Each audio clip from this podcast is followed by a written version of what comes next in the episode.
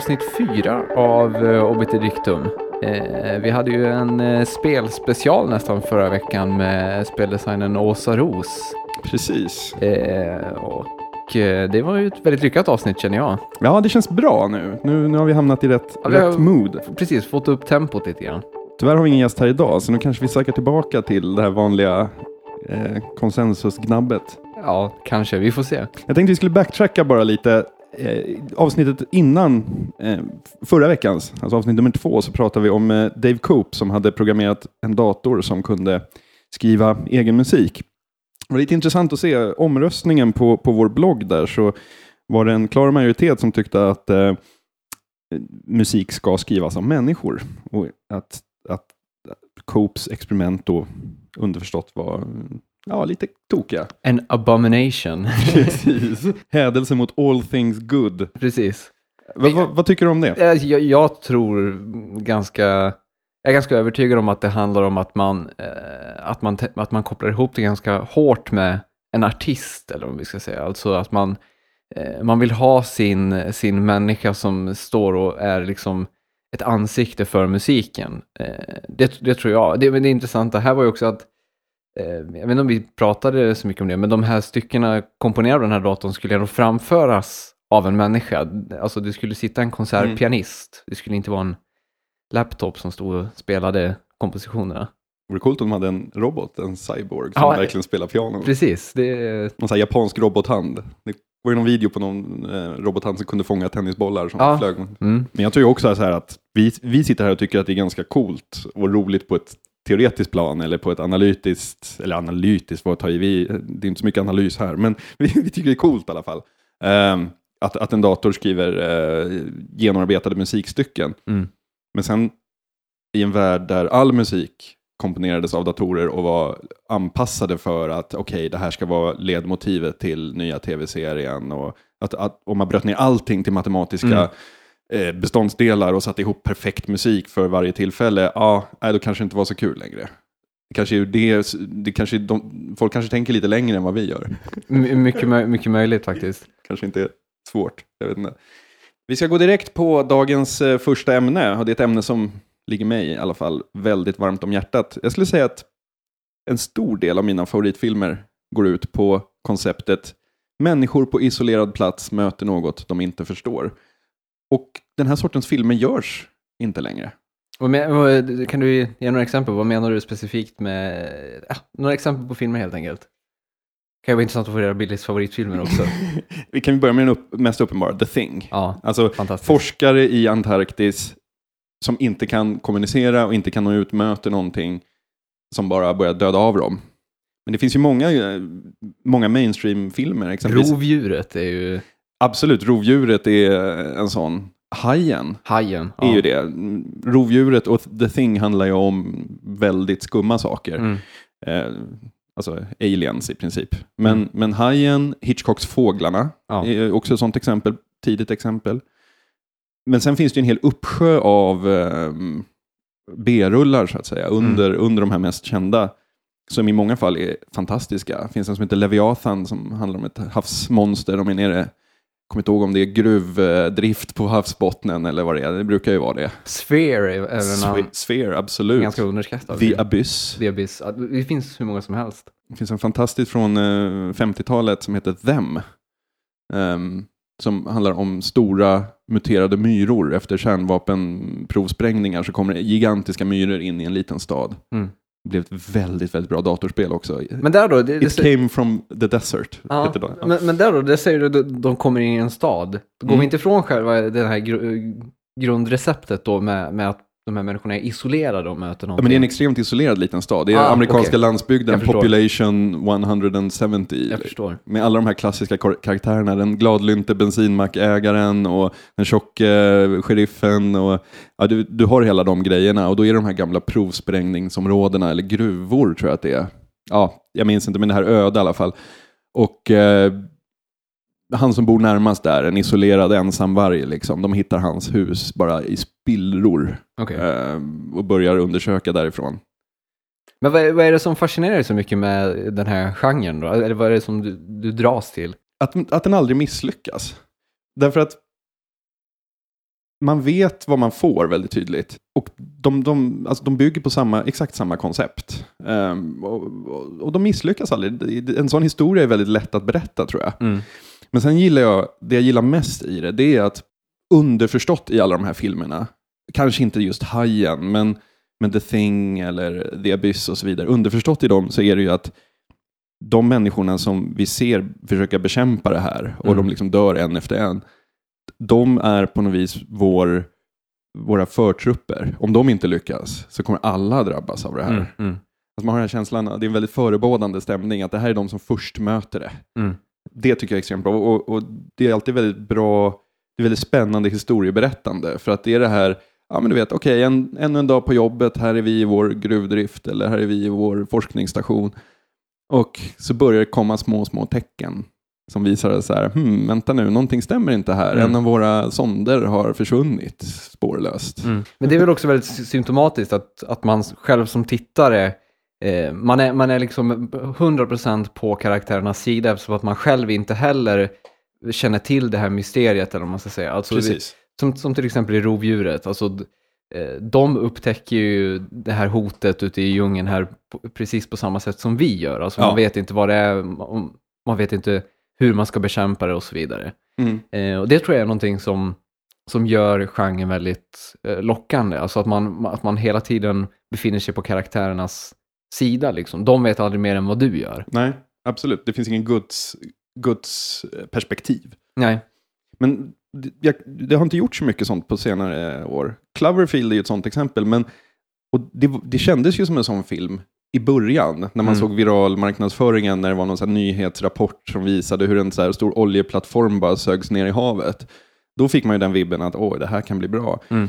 Men sen i slutändan så är han ju mitt i Manhattan och bara äger allting. Liksom. Mm. Det, är, det, är inte, det är inte samma koncept. Ja, men det, alltså, med risk för att bli aningen så här, dra på lite väl politiska växlar så tror jag ändå att alltså, det finns en tendens i att, att liksom efter 9-11 så flyttar hotet hem kan man säga. Alltså Mm. att vad heter det, det, det är helt plötsligt Helt plötsligt är vår modernitet som står på spel. Liksom. Hotet är mot, vad heter det, eh, mot, mot oss som, som, ja, som moderna varelser helt enkelt, snarare än oss. För menar, om man tänker på The Thing så handlar det snarare om människan som ganska så här primitiv Ja. varelse som, kämpar mot sig själv. Liksom. Ja. Och jag tror att, eh, alltså, som Cloverfield eller som, eh, vi har den här Blindness som kom för några år sedan som också är samma sak, eh, alltså det, här när människor helt plötsligt börjar bli blinda. Alltså, Mm. det, det handlar om, eh, det handlar om att, som om att hotet ligger, kommer mitt bland oss, mo- mitt i vår happening. vardag. Liksom. The happening är ett, ett annat väldigt bra exempel. Det, det fan, kom en, den var helt klart sevärd. Det var inte den bästa film som har gjorts, men eh, The Last Winter, har du sett den? Nej. Ja, För då är de och borrar, de borrar efter iskärnor upp- uppe i Alaska för att studera global warming. Och de borrar upp en bakterie som kanske skulle ha stannat där nere. Ja. Men där blir det precis samma sak, att de sista fem minuterna av filmen får man se det civiliserade Amerika, vad som, vad som händer, alltså långt Okej. söderöver, så Mm. att säga, när de har evakuerats med flyg och allting. Och det är ju en scen som man aldrig får se annars i de här klassiska, för det slutar antingen med att alla dör, eller så slutar det med att man lyckas De vinner, liksom. Ja, de vinner, de utrotar det här. De, Mm. ja, de, de höll fortet stängt, det, det släpptes aldrig ut i samhället. Mm. Men det håller på att görs eh, prequels till eh, The Thing och till Alien. Mm. Prequel till The Thing ju, känns, ju, det känns ju ganska intressant. Eh, för det känns ju ändå som ett, eh, ett koncept som riskerar att bli en, en upprepning bara av, Mm. av, av den första filmen. Och kommer de prata norska hela filmen? ja, det, det återstår väl att se. Eh, men vad, vad, har du förhoppningar på The Thing eller vad, vad tror du? Är det nog klart vem som ska regissera? förresten? Ja, det är en holländare som jag inte ens vågar uttala namnet på. Han har bara gjort lite holländska skräckfilmer tidigare. Han har väl bara en fyra, fem filmer un- under bältet tror jag. Vilket kan tala till filmens fördel, självklart. Eh, samtidigt som jag vet inte om en holländsk slasherkille är den som ska ta sig an liksom John Carpenters... Ja, man hade blivit lite mer pepp om det var Carpenter själv. Ja. För det känns som att då hade han ändå haft en idé eh, som, ja, alltså en idé som har legat i bakhuvudet på, på honom eller vad man ska säga. Precis. Här, för jag menar, det, det, det finns ju, här finns det ju en risk att det blir liksom bara spinna vidare på en redan etablerad franchise liksom. Och frågan är ju om, alltså de två sista norrmännen, de dör väl när de kommer med helikoptern och jagar hunden Mm. in i, i, i lä, forskningslägret. Mm, mm. Och sen kraschar de med helikoptern. Kommer filmen sluta, prequelen, kommer den sluta så? Mm, Ja, det återstår väl att se. Men, men jag tror, vi var inne på det här, varför inte göra sådana här filmer, såna här filmer idag. Jag tror helt klart att det jag nämnde är en bidragande faktor. Men om man även går tillbaka i historien så är ju just alltså hotet mot hemmet är ju liksom en, en, ett, vad ska vi säga, ett vanligare tema än det här med att man är isolerad. Eh, Jag tänker till exempel en gammal klassiker, The Invasion of the Body Snatchers, Mm. alltså eh, där, där de här eh, rymdvarelserna då, eller någon slags växter väl snarare, tar över människors kroppar och man blir apatisk. Mm. Som på många sätt, just den var ju på många sätt en, eh, den hade ju premiär under McCarthy-eran och den har ju väldigt tydliga kopplingar till just kommunismen, alltså du vet inte riktigt vilka av dina vänner som kanske blir smittade av det här och så vidare och så vidare. Mm. Och det är någonting som sprider sig snabbt.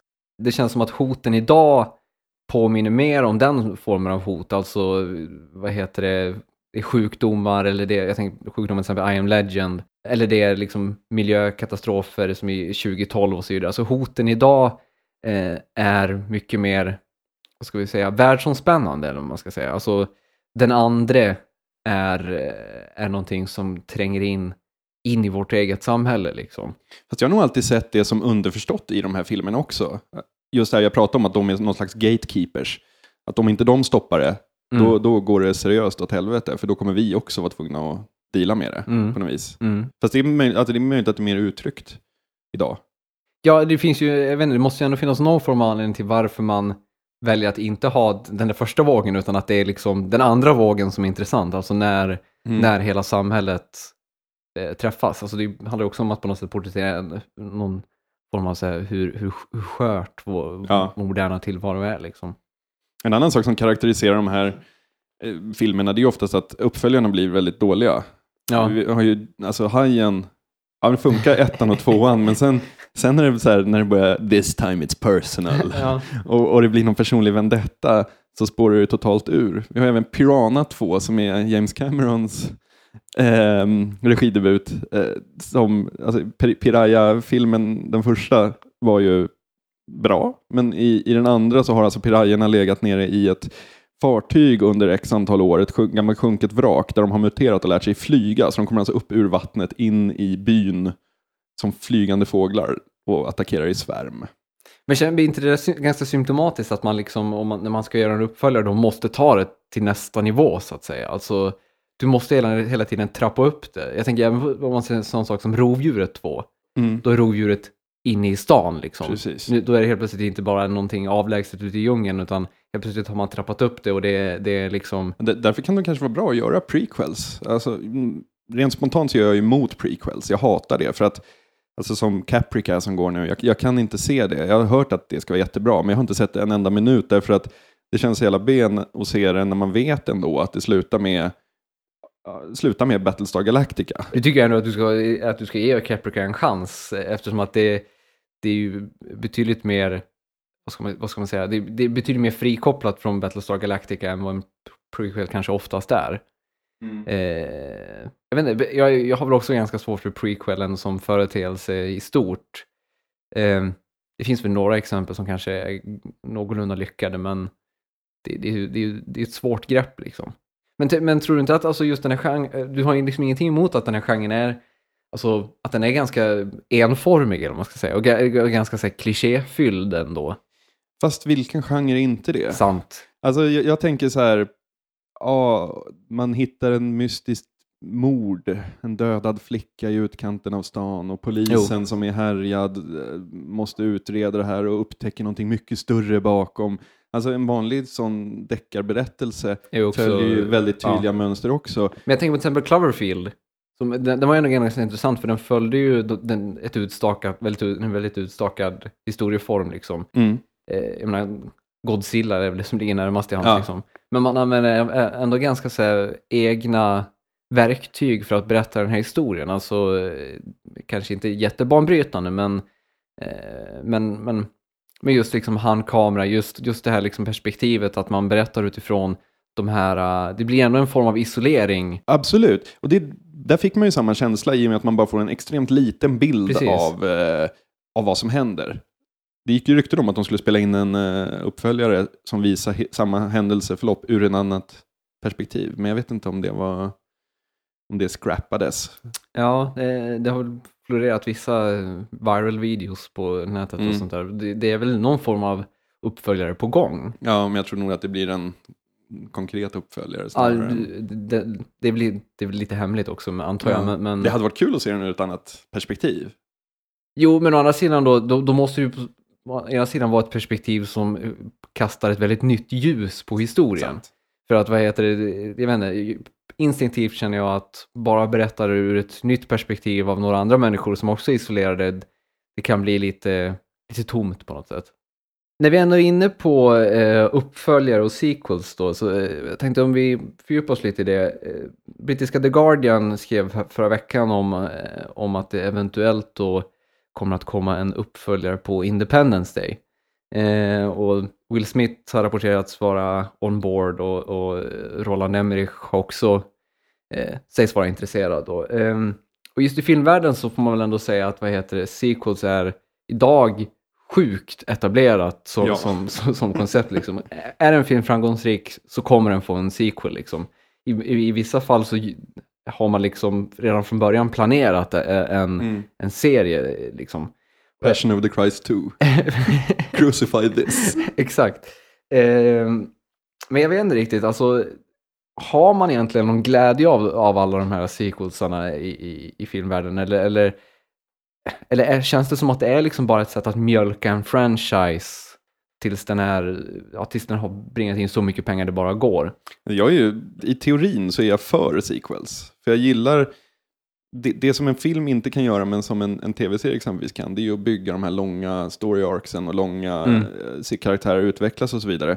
Men om något sätt, på något sätt misslyckas man alltid med det i film.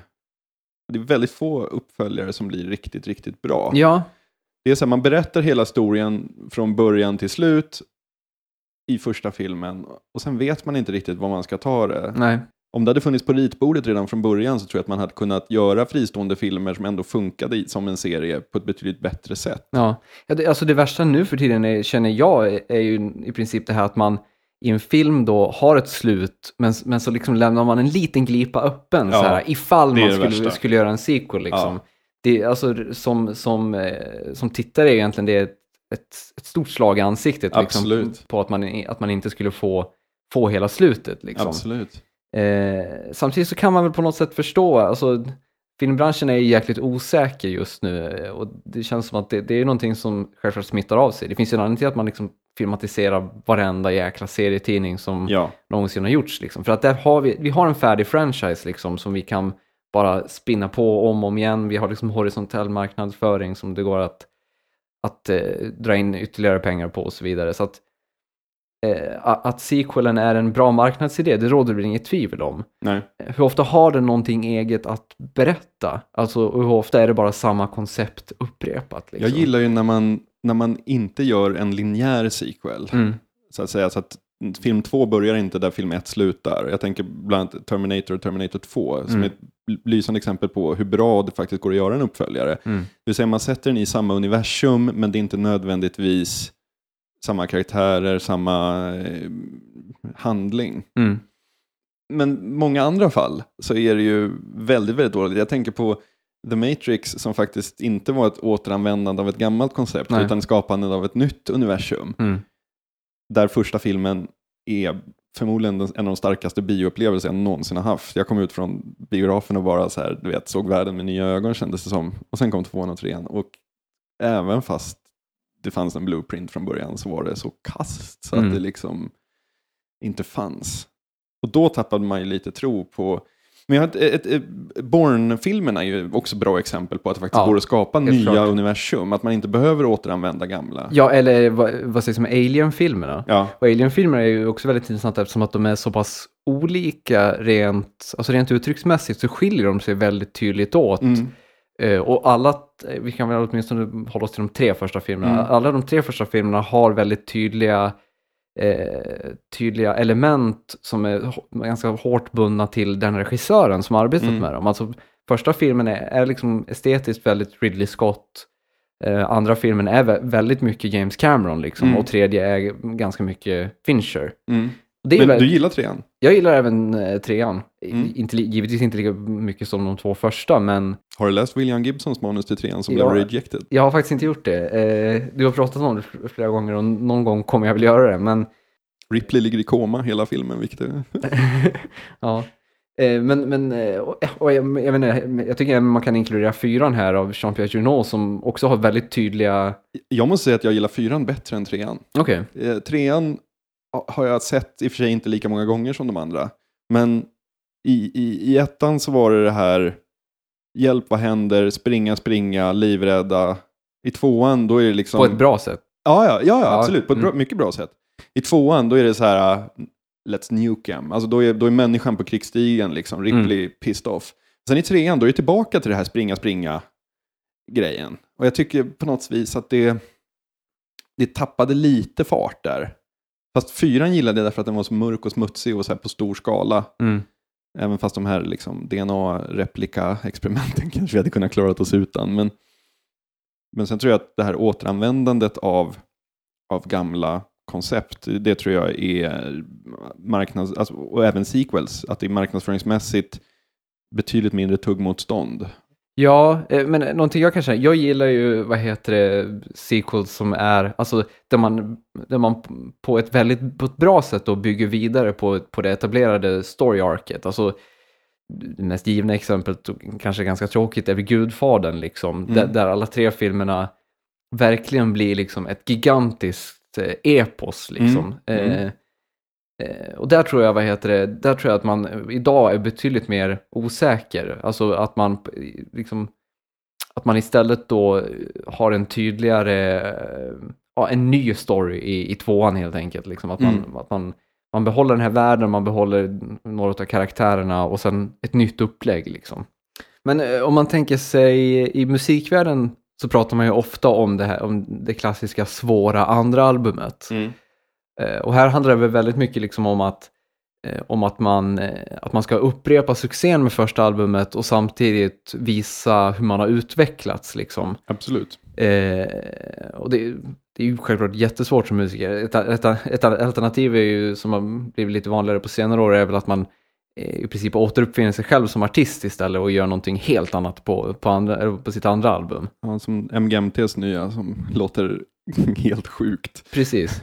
Ja, Eh, men, men alltså, men jag känner, jag känner ändå att här, här så är liksom andra albumet i direkt avhängigt första albumet. Liksom. Alltså Mm. att när, eh, när, när en artist kommer med sitt andra album så, så tittar man nästan mer på hur det står sig mot det första albumet än, än hur det står sig som, som ett eget album. mm.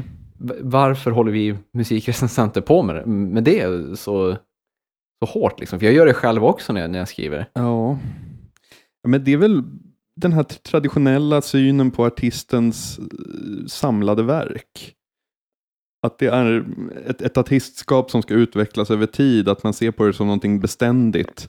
Att, att man ska kunna titta på en backkatalog på tio skivor och säga att ja, här var den akustiska perioden och här var hon inne i... Jo, men, men samtidigt, alltså, när, när när, Bru- när Bruce Springsteen släpper ett nytt album så jämför du aldrig det med albumet som kom innan och ser hur det står sig jäm, jäm, jämte mot det. I alla fall Ja, men, det har, men det har väl gjorts med honom. Alltså när han går från sin folkgrej till den stora rocken till vidare till Nebraska och singer-song. Alltså man är klar med honom, man förväntar sig ingenting. Det är sant, men ändå, jag undrar ändå varför vi just på andra albumet så, så ofta snör in på den här jämförelsen med första Det, albumet. det tror jag att det är för att det är en vattendelare. Alltså man har all tid i världen på sig att skriva sitt första album. Det kan Ja. man pyssla med i 20 år. Sen ska man på ett år eller ett och ett halvt år, eller beroende på hur relevant man vill hålla sig, så ska man svänga ihop ett andra album. Och det är ju då man såller agnarna från vetet. Mm. Därför att ett första album är inget svårt att göra. Då, ingen press, inga förväntningar, du, du kan sitta och pilla och pyssla hur länge som helst. Men sen då är, är det andra albumet, det är då man vill veta, okej, är det här en artist som vi ska bry oss om i tio år framöver? Mm. Eller är det, var det bara en lyckoträff? Det tror jag är Mm. jätteviktigt. Alltså, även om man inte gör det uttalat eller medvetet så, så tror jag att man, man sitter där med med vågskålen och fundera på, är det här en, en eh, person eller ett band som kommer förbli relevant? Mm. Men brukar du föredra första albumet eller är du en andra albumet kille? Alltså är det Definitely Maybe eller What's the Story? Det där är så olika också beroende på vilken musik Ja. det är.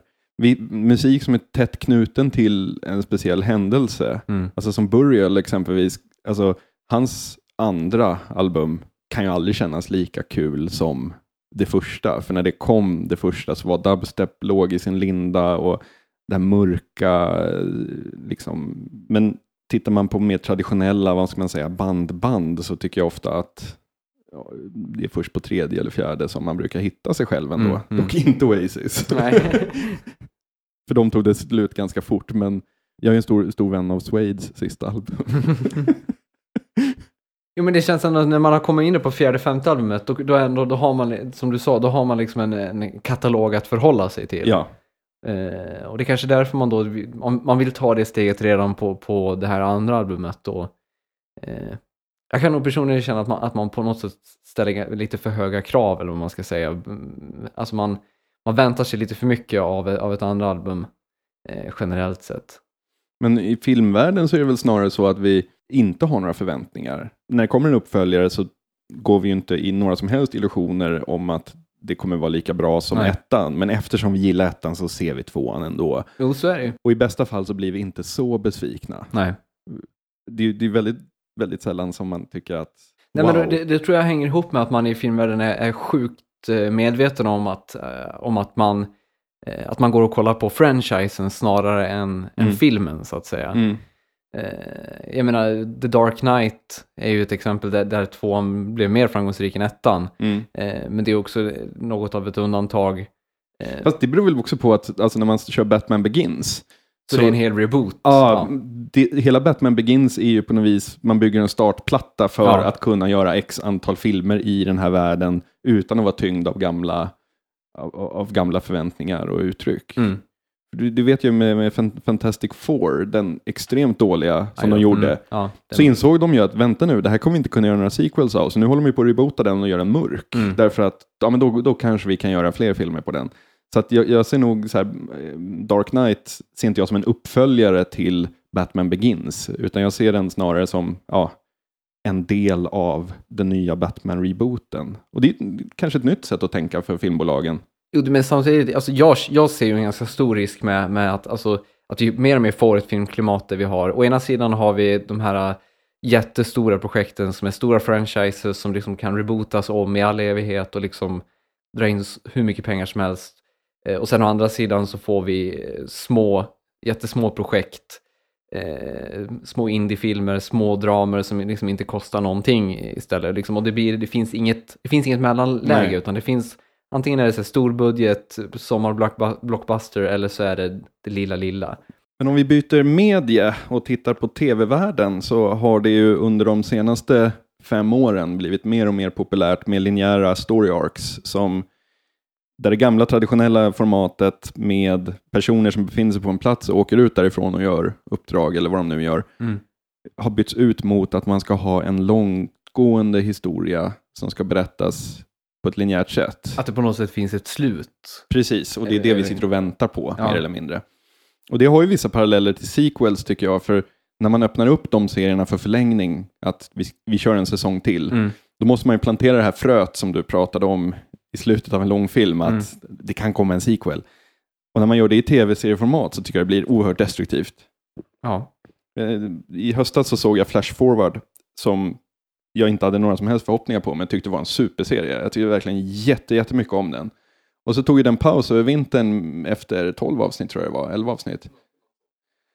Och jag hade verkligen sett fram emot jättemycket nu när den drog igång och blev mäkta besviken. Jag frågade ju dig här en, en dag efter, efter när jag tre avsnitt, så sa, så sa jag ju det, vad fan, är det bara jag som tycker att den suger? Men, men du tyckte också illa om den. Alltså, den har, jag tycker också helt klart att den, den har gått ner i kvalitet sen, sen det blev klart att den skulle få en säsong två. Och det var ju under vinteruppehållet den, Ja. den fick det. Eh, jag menar, det, vi, vi brukar ju spoliera här så att det är lika bra att gå all in.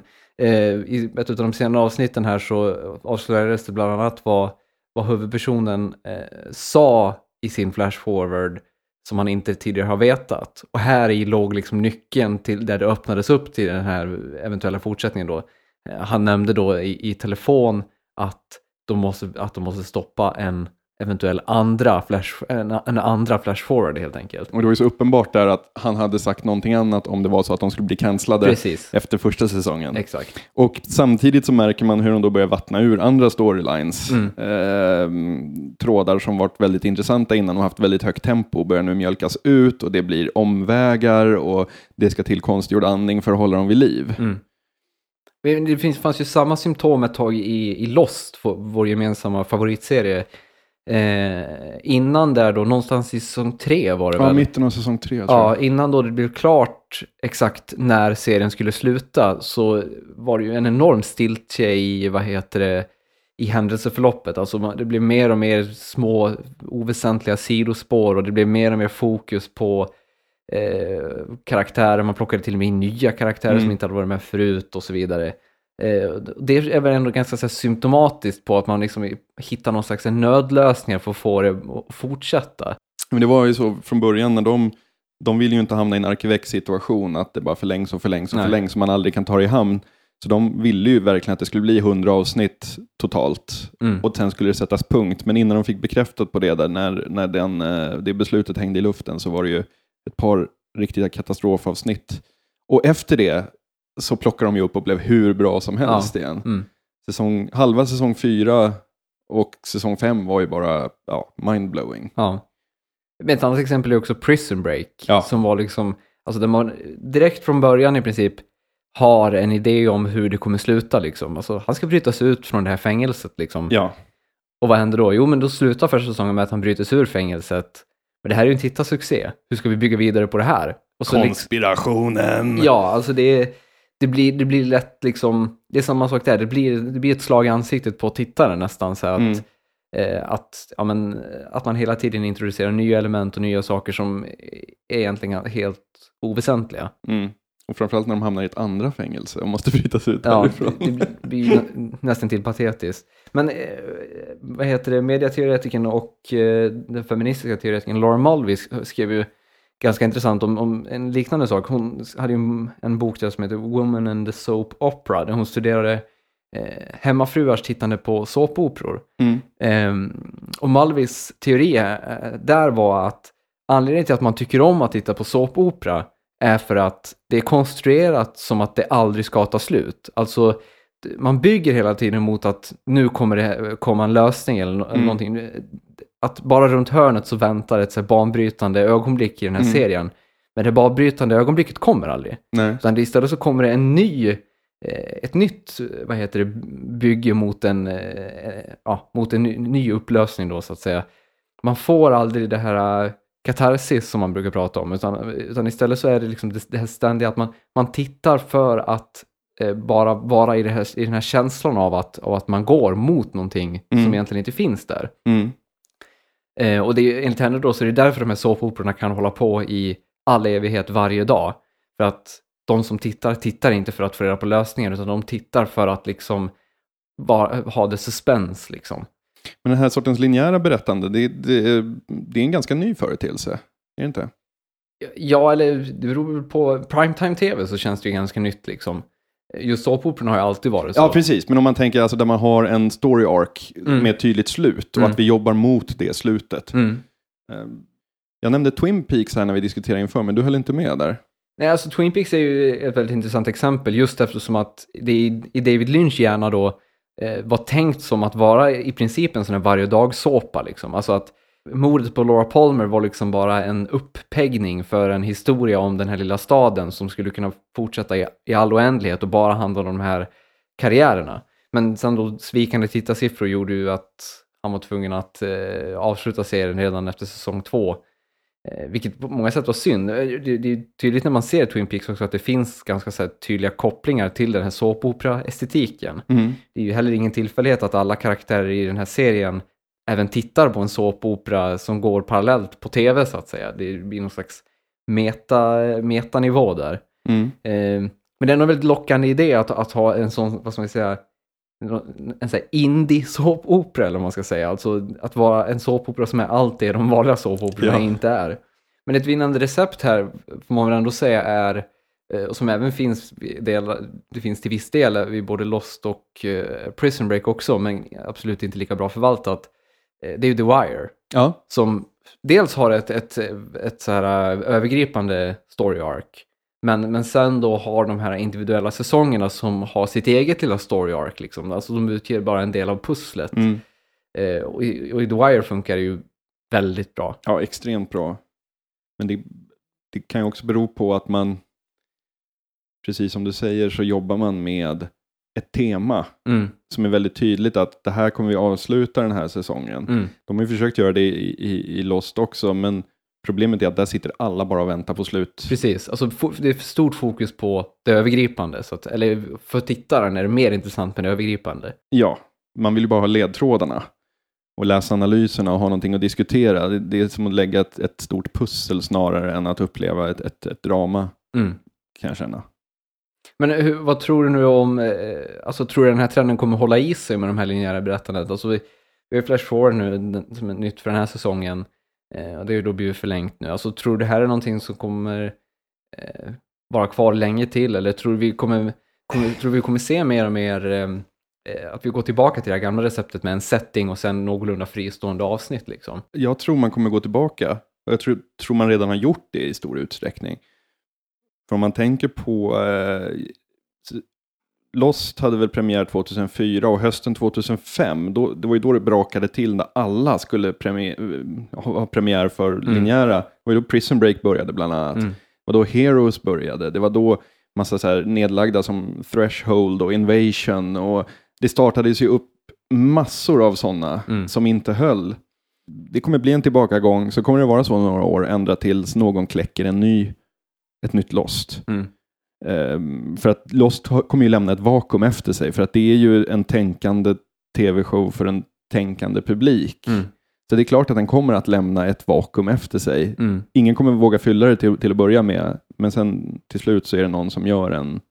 Jag skulle även här vilja identifiera en ganska stor skillnad mellan eh, i USA då, alltså primetime tv-serierna på kabelkanalerna eh, eh, och de som är liksom eh, ja, de vanliga ABC, CBS och så vidare. Medan de betalkanalerna som HBO, Showtime, FX och de, eh, de satsar ju betydligt mer på att ha eh, alltså ett säsongsbetonat berättande. Alltså Mm. det, det känns som att de har liksom inte riktigt släppt på det lika hårt. Till exempel Dexter är ju ett typexempel Mm. där, där du har ett story arc säsong för säsong snarare än, än, än det här liksom bara pågående, det här liksom kontinuerliga drivandet liksom. Ja, vi kanske också skulle börja jobba med säsongsbetonade story arcs. Eh, ja, vi får se när vi blir förnyade för en eventuell säsong två i så fall. Precis. Helt klart i alla fall att eh, det i det här avsnittet är dags för. Precis, postskriptum alltså. Eh, och jag tänkte faktiskt börja med att, precis som förra veckan, tipsa om en dokumentär.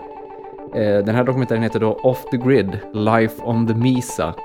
Eh, som handlar då om ett off-grid community i New Mexico. Eh, 40 mil från, eh, nej ursäkta, 40 kilometer från eh, närmsta civilisation eh, har då samlats ett, ett ganska stort antal människor som eh, lever outlaw-liv och vill ha så lite kontakt med civilisationen som möjligt och vem som helst är välkommen att bo hos dem så länge man även är beredd att leva under de reglerna de har satt upp. Och jag skulle vilja tipsa om ett eh, panelsamtal där Alistair Reynolds, Vernon Winch, Charles Stross och Carl Schröder pratar om eh, The Singularity. Eh, väl, tyvärr väldigt mycket män i den panelen, men den är värd att se för alla sci-fi geeks i alla fall. Ja. Och med det så tackar vi för oss. ja, tack så mycket. Vi ses om en vecka igen. Tack! Hej då!